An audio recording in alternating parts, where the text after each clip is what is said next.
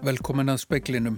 Kasóléttur hælisleitandi var fluttur úr landi í dag. Landlæknir lítur málið alvarlegum augum og biskup segir þetta mannréttindabrótt. Aflandsvæðing eignarhalds á jörðum í íslenskri eigu hefur rutt brautina fyrir kaup James Radcliffs á jörðum með lagsveiðréttindi. Ríkistjórnin samþykti í morgun frumvar Katrínar Jakobsdóttur um vernd uppljóstrara og umhverjastofnun fyrir hugað að friðlýsa 82 hektara votlendissvæðis í Skorradal. Umsjónamaður speilsins er Pálmi Jónasson. Embætti landlæknis hefur mál Kass óléttrar konu sem vísa var á landi í nótt til skoðunar. Yfir læknir fæðinga þjónustu landspítalans segir alvarlegt að liti sé fram hjá læknisfræðilegu mati þess sefnis að barnshafandi konum sé ekki ráðlagt að fljúa. Konunni sem var gengin 36 vikur var vísa á landi í nótt á samt manni sínum og tveggja ára barni. Kjartan Hreit Njálsson, upplýsingafulltrúi embættis landlæknis, segi máli litið alvarlegum augum. Fyrst og fremst sé embættinu umhugaðum hver staða konunar hafi verið á þeim tímapunkti sem henni var vísa úr landi og í flugvél. Hann segir auk þessa lækniskoðun og þunguðum hælisleitendum sé orðin stór hluti af starfsemi maðuravendar. Skýra þurfi verklag við útgáfi vottorða á lækniskoðun fyrir þennan hóp svo hann fái þá heilbriðstjónustu sem hann er rétt á. Eva Jónasdóttir, starfandi yfirleiknir fæðingaþjónustu á landsbytalanum, segir að almennt sé það flugfélags að ákveða hvort þungu kona megi fljúa. Alþjóðlega reglur mæli þó gegn því að konur fljúi eftir 36 vikur. En við erum nú kannski ekki mjög gjörna að skrifa upp á vottor svona eftir 34-5 vikur um það að við ráðlegjum konum að fljúa. Hælisleitindur séu auk þess viðkvæmur hópur og heilsa þeirra oft ekki svo besta. Læknir á vegum útlendingastofnunar hafi gefið út vottorðum að konan hefði heilsu til að fljúa. Starsfólk landsbytalan sem syndi konunni í nótt mælti hins verð gegn því að konan færi í flug. Henni hafi samt sem áður verið vísað úr landi. Ef það er búið að gefa út læknisfræðilega ráðleggingar um það að við ráðleggjum konum ekki að fljúa þá lítum við það auðvitað alveg um augum að það sé ekki farið eftir því en hins vegar ef það er einhver vafaatriði varðandi vottora þá er nú myndum að heldur vilja að það væri leita ráða hjá okkur eh, varðandi það að þess að draga álíktanir. Sagði Eva Jónasdóttir, Solveig Klara Ragnarsdóttir tók saman og við þetta má bæta biskup Íslands Agnes M. Sigurðardóttir hefur óskað eftir fundi með domsmálar á þeirra til að ræða stöðu hælisleitenda vegna albönsku konunar. Framkymur í tilkynningu frá biskupstofu að það sé ólíðandi verknaður og mannrettinda brott að senda barshafandi konu burt í óvissu og örbyrð. Ríkistjórnin samþykti í morgun frumvarp Katrínar Jakobsdóttur forsætisráð þeirra um vernd uppljóstrara. Í frumvarpinu er greint milli innri uppljóstrunar sem er uppljóstrun innan fyrirtækis eða til ópenbers eftirlitsaðila og hins vegar ytri uppljóstrunar. Ytri uppljóstrun er að jafnaði ekki heimil nema innri uppljóstrun hafi verið reynd til þrautar og upplýsingarna snúist um brot sem varði fangilsrefsingu eða í húfi séu afar brínir almanahagsmunir. Ef miðlun upplýsinga eða gagna uppfyllir skilirði frumvarpsins mun slík upplýsingamiðlun eftir samþykju frumvarpsins á alþingi ekki teljast brot á þagnar eða trúnaðarskildu stafsmanna og getur kvorki leittir refsi eða skadabóta ábyrðar nýja annara viðulaga. Bannað verður að láta starfsmann sæta óreittláttri meðferð sem miðlað hefur upplýsingum eða gögnum að uppfylltum fyrrnemdum skilirðum. Jón Hákon Halldórsson sagði frá. Fórseti stúdendaráðs Háskóla Ísland segir að vakstar fyrir komöla námslána í fyrirhugðu námslánakerfi sé óásættanlegt og lýsir vonbriðum yfir því að ekki hafa verið komið til móts við ábendingar stúdenta í nýju frumvarfi. Mentamálar á þeirra mælti fyrir nýju frumvarfi um lána og styrtarsjóð námsmanna á alþingi í dag. Helstu breytingar með frumvarfinu er að lánasjóði íslenskra námsmanna verður breyti í mentasjóð og 30% námsláns breytist í styrkaðloknu námi sé því lokið á tilsettum tíma. Gefið er um það byl eins árs svigrúmi hefðbundinu þryggjára grunnnámi. Þá verður námsmönnum bóðinn beitnstuðningur í stað lána vegna framfærslu barna eða meðlagsgreðsluna. Jóna Þórei Pétursdóttir, forseti Stúdentaráðs Háskóla Íslands, segir að það sé breyting til góðs. Hins vegar er hún óanað með að samkvæmt frumvarpinu fari vextir úr námslánum úr föstum vöxtum upp á 1% í breytilega vexti án hámarks. Við teljum að vaksta fyrirkomulegið eins og það byrtist í frumarfi um mentasjónu ásmána sé óásættanlegt. Eh, vextir munu hækka og það mun afnema vaksta hámark sem er núna í 3% í lögum um lánasjóð íslenska násmána. Auk þess að vextir verða breytilegir og taka mið af mjög ófyrir sjáanlegum breytum. Og hvað þýðir það í rauninu fyrir námsmenn?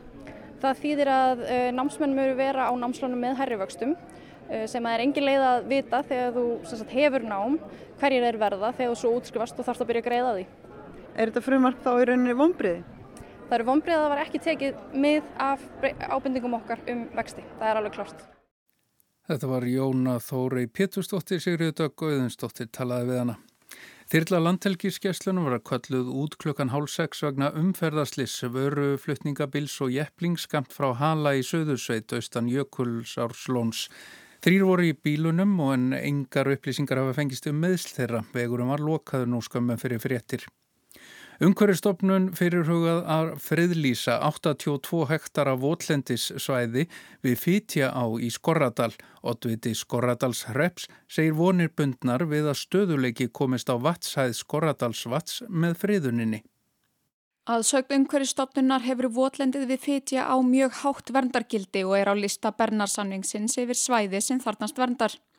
Ekki er fyrir hugað að friðlýsa Fítja ána sjálfa sem rennur úr Eiriksvatni og í Skorradalsvatn. Árni Hjörleifsson, oddviti Skorradalsrepp, segir að áformanum fylgi vonir um að vasshæð Skorradalsvass verði stöðugri með stýringu á affalli vassins við andakílsárvirkjun. Í dag sveiplas vassi við borð um á annan metra. Mikið mæðir á bökkum og sveiplutnar valda landbroti.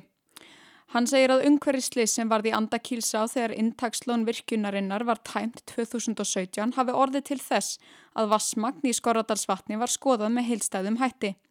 Við friðun megi finna kjörhæð vassin sem myndi vernda votlendi við fytja á sem og bakka Skoradalsvass. Elsa Maria Guðlaug Strífudóttir tók saman. Landvönd vill að kannaverði sérstaklega af hverju landgræðslunni var gert að votta landnötkun sumra söðfjárbænda sem sjálfbæra þrátt fyrir að það væri þvert á faglega útökt stopnunarinnar. Þetta var rætt í umkörfis og samgöngunemt alþingis í dag.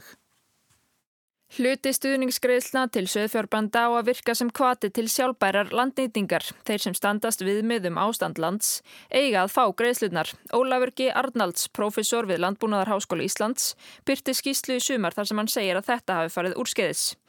Auður Önnu Magnúsdóttir, framkvæmdastjóri landverndar, segir að samtökin fagnir þings álugtunartillögu sem nú leikur fyrir alþingi.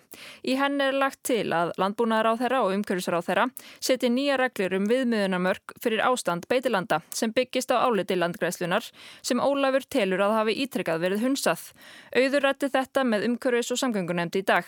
Við viljum að verði farið í úttækt á, á gæðarstýringakerfinu því að það er augljóslega ekki að virka eins og kemur fram í, í skýslu Ólars Arnalds uh, en við viljum bæta því við að það verði skoða hvernig þetta gæt farið svona mikið úrskiðis og hverju eru skýringarnar af því að það gerðist. Landvernd hefur sendt aðtóasemt um þetta til ríkisendurskoðanda en ekki fengið svar. Það er kannski komin tími til þess að við leggjum tölvöna þrýsting á ríkisendurskoðanda að svara hvort hann allar að taka mál fyrir eða ekki. Sagði auður Önnu Magnúsdóttir, hólfríðudagni Fríðjónsdóttir, talaði við hana.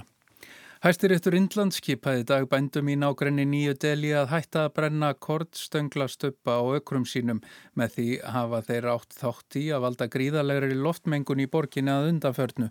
Skólum hefur verið lokað af þessum sökum og fjöldi fólksturt að leita læknishjálpar vegna öndunararfurleika og annara kvilla sem mengunin veldur. Réttarhöldinni við Brittu Nílsen sem er grunnuðum að hafa dreyið sér jafnverði tveggja miljardar íslenskra króna í starfi sínu hjá félagsmálastofnun Danmörkur eru smá saman að breytast í farsa. Hún var handtekinn í Suður Afríku fyrir ári og framseld til Danmörkur þar sem hún var ákjærð fyrir tveggja miljardar fjársug, skjálafals og hafa misnotað aðstöðu sína. Nílsen var flutt burt í sjúkrabíl á fyrsta degi réttarhaldana eftir að hafa fengið svimakast og var löglega afsökuð vegna veikindana á öðrum degi. Á þriða degi gerði verjandi hennar síðan aðtóasendir við framsal hennar frá Suður Afríku og krafðist þess að réttarhaldunum yrði frestað. Danir hafa byggðið lengi eftir að heyra frá Nílsen sem er 65 ára og tilstóð að hún gæfi skýslu í morgun. Eftir að hafa ráðfært sig við verjanda sinn ákvað hún engöngu að staðfesta fæðingardag sinn og saðist vilja láta kalla sig breyttu. Hún sagðist ekki vilja tjá sig fyrir en gengið hefði verið úr skugga um að verjandi hennar hefði öll gogg málsins. Verjandin, Nýma Napipor, hefur vakið antikli fyrir framgöngu sína í réttasalnum og er hann kallaður stjörnulögmaður í dönsku blöðunum sem hafa meðal annars rifið upp feril hann sem leikara bæði í leikúsi og sjómarbi. Þegar ljóst var að Nílsen myndi ekki tjá sig við dómin í dag var niðurstaðan svo að saksóknar í málunum myndi hefjast handa við að varpa ljósi á umfangsmikinn fjárdráttennar. Þá síndi hann gögn úr farsíma Nílsen þar sem komi ljós að hún hafi googlað fangelsi og hvernig væri best að geima skartgrippi í Suður Afríku. Freyr Gíja Gunnarsson segði frá.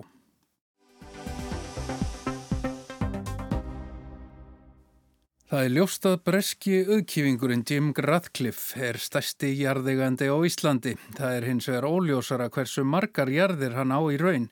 Ein ástæðan er svo að eignarhald jarðana var þegar aflandsvætt og viðskiptin fara því að hluta fram utan landsteinana. Ísland er ekki eina landi þar sem samþjöppun eignarhalds á jörðum vekur umræður.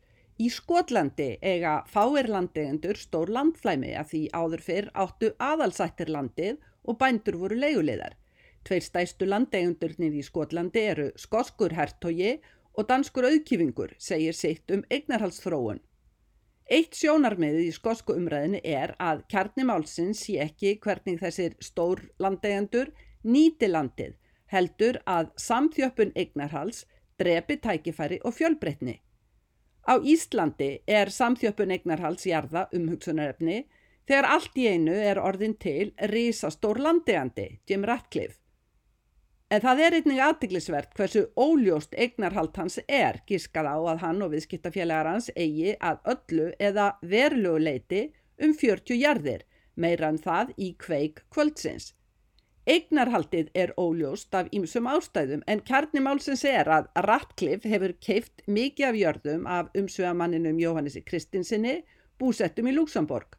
Félagið Dylan Holding hefur lengi verið talið í hans eigu og það er staðfest í félagaskrá í Luxemburg um raunverulega eigendur félaga, Jóhannes á Dylan Holding. Dylan Holding gerir upp í íslenskum krónum, eignir þess í lok síðasta árs námu 2,6 miljardum króna, voru 790 miljónir 2015. Íslenskar jarðir Ratcliffs eru í bresku félagi Halicilla Í lok síðast árs átti félagið 32 miljónir punta, nú rúmir 5 miljardar króna, hafðu ríflega tvöfaldast frá árinu áður. Það má því segja að aflandsvæðing jarðana sem þegar var orðin í Dylan Holding hafi bæði innfaldað kaupin fyrir Ratcliffe og gert þau ógagsari á Íslandi. Það var þegar búið að aflandsvæða náttúrugæði lagsveiðana og þá í raun náttúrufegurðina sem fylgir lagsveiði ánum.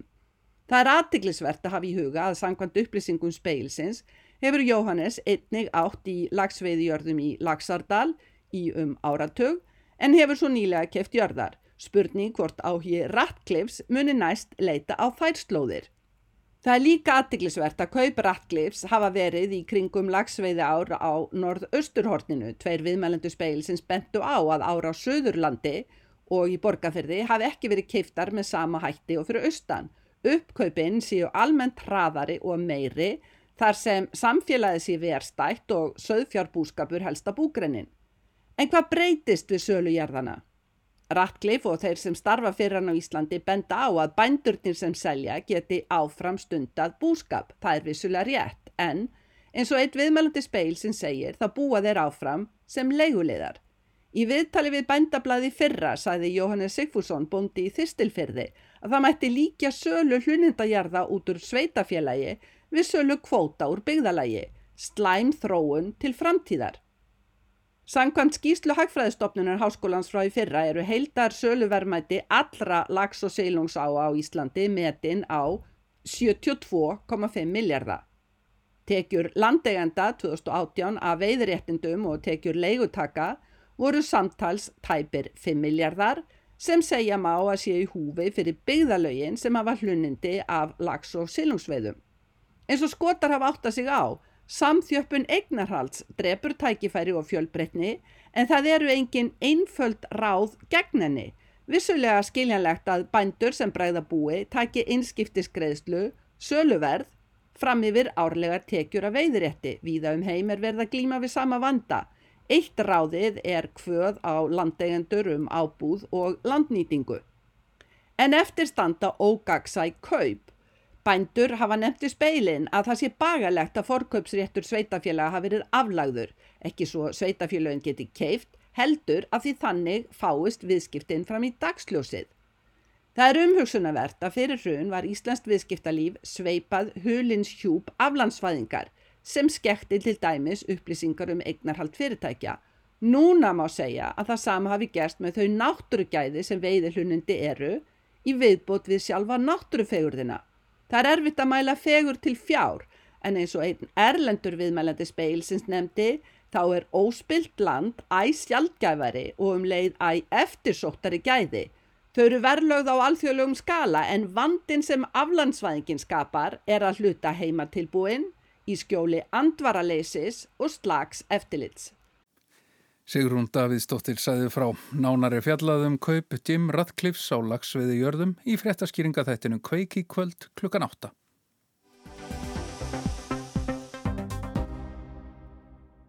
Réttarhöld hófust í dag yfir einum nánasta bandamanni Donalds Trumps. Roger Stone er ákerður í sjö liðum eftir rannsókn Roberts Mullers á afskiptum rúsa af síðustu fórsetakostningum.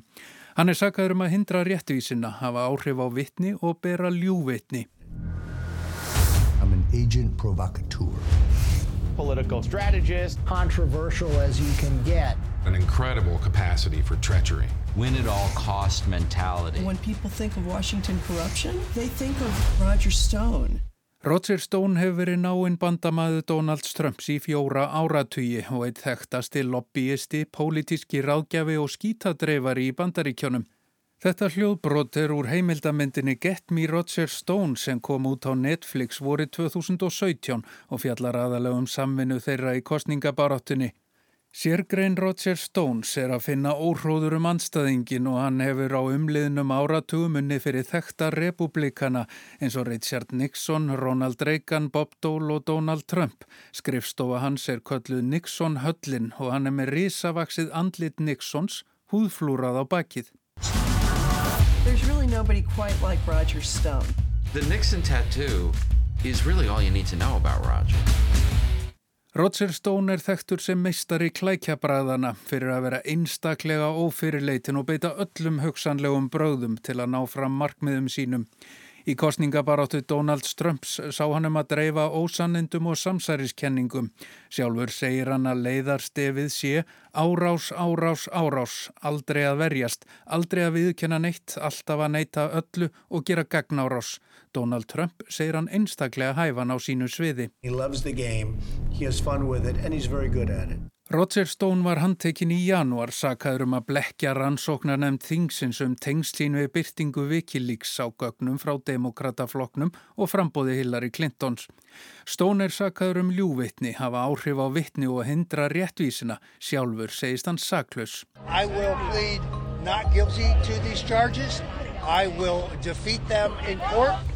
Saksóknarinn heldur því fram að Stone hafi fengið gamanleikarann og útvarsmannin Randi Kretiko til að vera í sambandi við Julian Assange, stopnanda Wikileaks. Hann hafi kvart Kretiko til að ljúa að þingnemdinum þátt sinn í málinu, beita öllum bröðum, neita öllu. Hann á meira að segja að hafa hótað að koma hundinum hans fyrir Katanef ef hann gerði ekki eins og honum var sagt. Saksóknarinn segir að Roger Stone hafi sagt honum að gera eins og Frank Pentanelli gerði í Guðförnum 2. Sá átt að bera vittni gegn Don Corleone en breytti framburði sínum á síðustu stundu fyrir þingnefndinni. Saðist ekkert vita um neina glæpastarsemi en hefði verið í ólíubransanum með föður hans endur fyrir löngu. Look, the FBI guys, they promised me a deal. So I, so I made up a lot of stuff about Michael Corleone because that's what they wanted. But, but. Samkvæmt domskjölum kvatti Stone kritíku til að segja þingnemdini að vissulega þekktan Roger Stone. Hann hafi verið í ólífu bransanum með föður sínum, endur fyrir löngu. Saksóknara vildi fá að sína myndbrot úr guðföðurnum en því var hafnað. Stone hafnar því alfarið að hafa vitað fyrirfram um leka Wikileaks, segist ekkert hafa fengið frá Wikileaks eða rússum. Hann hafa engum gögnum komið til Donalds Trumps eða til frambóðs hans. Those who say I have no soul, those who say I have no principles are losers. Those are bitter losers. Stón hefur fyrst og fremst verið pólitískur ráðgjafi síðustu 40 árin, hengum fyrir þekta frambjöðundur republikana. Hann er þektur fyrir að svífast einskis við öflun vafasamra upplýsinga um andstaðinga og notkun þeirra. Um tímarakkan ráðgjafa fyrirtæki með Pól Manafort og fleirum. Manafort var um tíma kostningastjóri Donalds Trumps en afplanar nú 7,5 árs fangelsi í tengslum við fjármála meisferðli Úkræn og Rúsland. Skattsvik og fjársvik kurðu honum að falli. Manafort og Stone hafa lengið niður náið með Donald Trump. Roger saw something that nobody else saw back in the early 80s. I suggested that Trump should explore a bid for the presidency. He created Donald Trump as a political figure. Þegar rannsóknu Roberts Müllers lauk í mæ tók saksóknarinn í Washington við máli Stones. Tveir aðrir sagborningar höfðu þá þegar játað. Michael Flynn, fyrverandi öryggisráðgjafi Donald Trumps og Richard Gates, fyrverandi aðstóðar kostningastjóri Trumps. Þeir býða dóms. Gates samtir reyndar við ákjæruvaldið. Hann vittnaði gegn Paul Manafort og berað öllum líkindum vittni gegn Roger Stone. Enn á eftir að gefa út ákerur og hendur rúsneska fyrirtækinu Concord og framkvæmdastjóra þess Jevgeni Prigozhin sem sagður enn átengdur Vladimir Putin. Prigozhin og Concord eiga hafa dreift óhróðri og falsfrettum í kostningabaráttunni 2016. Í áðurnemndri heimildamind segir að Stone hafi verið frumkvöðli skítadreifingu um anstæðingana og að Washington verði aldrei aftur söm. He created the modern sleazeball lobbyist. Washington's been worse for it ever since. Samkvæmt ákærinu rætti Stón við menn úr einsta ring kostningabaráttu Trump sem að Wikileaks væri með hættulegar upplýsingar um Hillary Clinton. Milligöngumenn hans hafi verið samsæringasmiðurinn Jeremy Corsi og Randy Cretico. Þeim upplýsingum hafa hann haldið leindum fyrir þingnefndinni. Stón á síðan að hafa reynd að þakka niður í þeim með öllum tiltækum ráðum. Ásakanir um vafasum klækjabröð á ferlinum eru reyndar legíó og minna helst á afar ótrúverðuga Hollywood bíómynd. America may be collapsing, but Roger Stone is determined to enjoy it.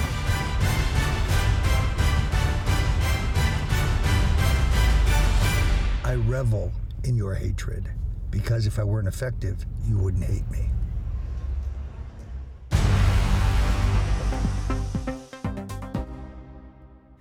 Í síðustu samningum var ferr fjölmennasta stjættafélags landsins var samið um styttingu vinnutíma um nýju mínútur á dag, þrjá tíma og 15 mínútur á mánuði eða fjóru og hálfu dagur yfir árið. Útfærslan á hverjum vinnustað er háð samkómalagi félagsmanna og atvinnureikenda. Styttingin tekur gildi um næstu áramót en útfærslan á að liggja fyrir eftir mánuð.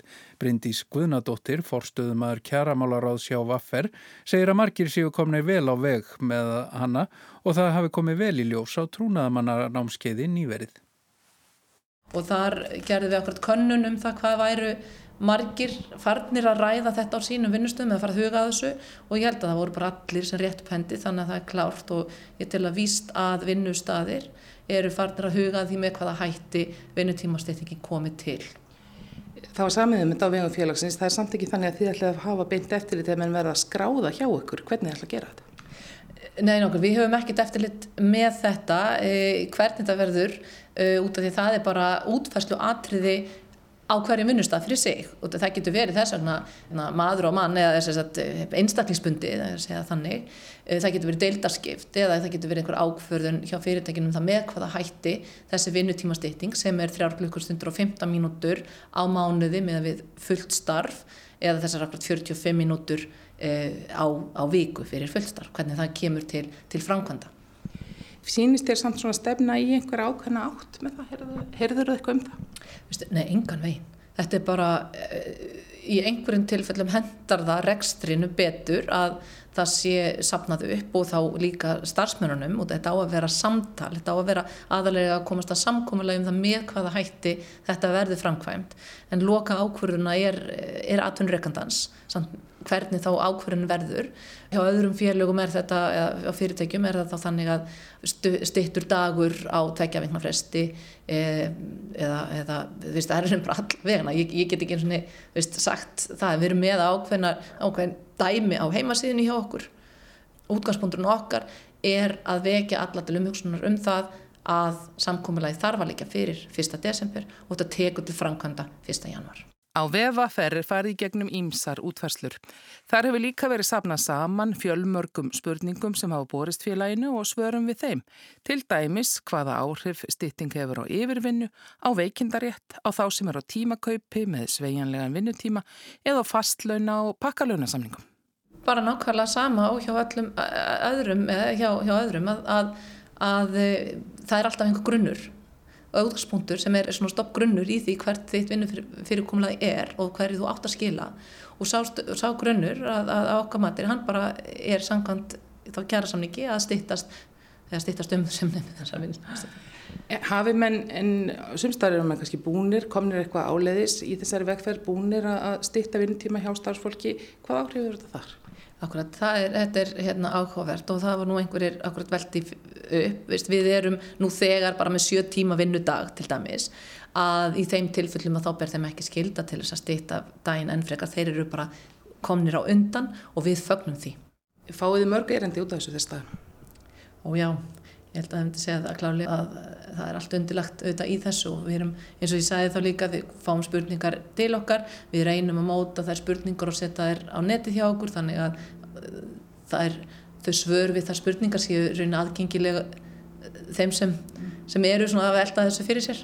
Og við hefum farið í fyrirtæki líka svona kent þessu sagt, möguleikunum og útfærslunum við getum raunin ekki sagt hvernig það á að gerast út af því að það, það er hægt að sapna þessu líka upp innan ársins og það eru er bara aðilana út á markanum að komast að samkominlega um það. Getur launamaður haft sett fram gröfu eða beðri um það sjálfur? Þú getur að sjálfsög alltaf komið þínar óskir. Þannig að það er, hérna, við hvetjum auðvitað bara alltaf að taka þetta samtal. En það er þá fyrirtæki sem ákveða, heyrðu, það er yfirmaður eða það er þessi deild sem þau ákveði saminning út eða það er bara svo deild sem það verða allir eins. Eða það er bara allir eins innan okkar fyrirtæki svo við verðum að komast að einhverju samkomlegi en, en það er ekkert sem þetta bannar eitthvað annað þessi samtalen en þú fær þá bara svarið að viðst, þetta sé ekki mögulegt og, og við förum öll í einhverja ákveðna átt og svo kannski eitt fyrirtæki geta hendað að haft djöglaða þannig að það sé eins mismunandi eins og starfsmennin eru margir á vinnustanum. Þannig að það verður kannski nú að gera líka eftir ármátt þegar þetta er brostið á? Já, ég held að við þurfum öll að aðeins að máta okkur inn í þetta þannig að, hérna, að ja, hvernig þetta vinst þannig að, að þetta tekur svona bara, þetta er svolítið nýtt og þetta tekur svona kannski alls svolítið tíma að tilenga sér, bæði nýjar tölur. Meina við vorum að breyta þarna deilitölum þannig að eins og þeir sem eru á tímakaupi í dagvinnu að, að þetta snertir þá þannig að tímakaupi hjá þeim hækkar og, og vinnu viðverðan eða vinnu skildan samkvæmt á kjærasamningi er þetta 3 klukkustundum á 15 mínutum skemur þannig að ef að þeir þurfa samt að vinna meira að þá kom, kom fara þeir fyrr á yfirvinnu. Kann fólk nú vel að lesa sína launasæl? Úf, já það er nú mm. einn ein handleikur í því launasælanir eru margir mjög mismunandi og við erum hérna hvað er 13 manna deilt hér hjá, hjá AFR og við erum all eh, algjörlega búin og búin til þess að leiða fólki gegnum þetta. Við hittum grunnskóla nema og held ég við sem að dekka þá nokkun vel alla grunnskólinu svolítið á höfuborgarsvæðinu í því að hitta það og fara svona gróflega yfir það hvað og hvernig launasælar eru byggðir upp. En maður kannski getur burt hérna í, í útdarpinu betur hvaða langt síðan þú hlustandi kýttir á þinn launasæl og fóst yfir hann? Þannig að hérna það sé öllum holdt að gera það alltaf öðru hverju. Sagði Bryndi Skuðnadóttir fórstöðumar kjæramálar að sjá að ferrana Kristín Jónsdóttir Veðurhorfur haustlega 3-10 metrar, snjókoma suðaustan til fram á kvöldana spjart með köplum. Heldur kvassar á jél síðst í nótt og á morgun, frost 0-10 stig, kaldast í innsveitum norðaustanlands en frostlust að deginum við suður og vestuströndina. En í speiklinum var þetta helst, Kassóléttur hælisleitandi var fluttur úr landi í dag, landlæknir lítu málið alvarlegum augum og biskup segir þetta mannréttinda brott.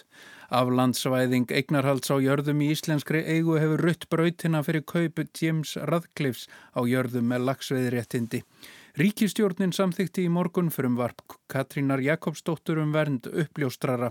Umhverju stopnun fyrir hugar að friðlýsa 82 hektar af votlendissvæði í Skorradal. En það er ekki fleira í speiklinum. Tæknimaður í útsendingu að Mark Eldrett verið sæl.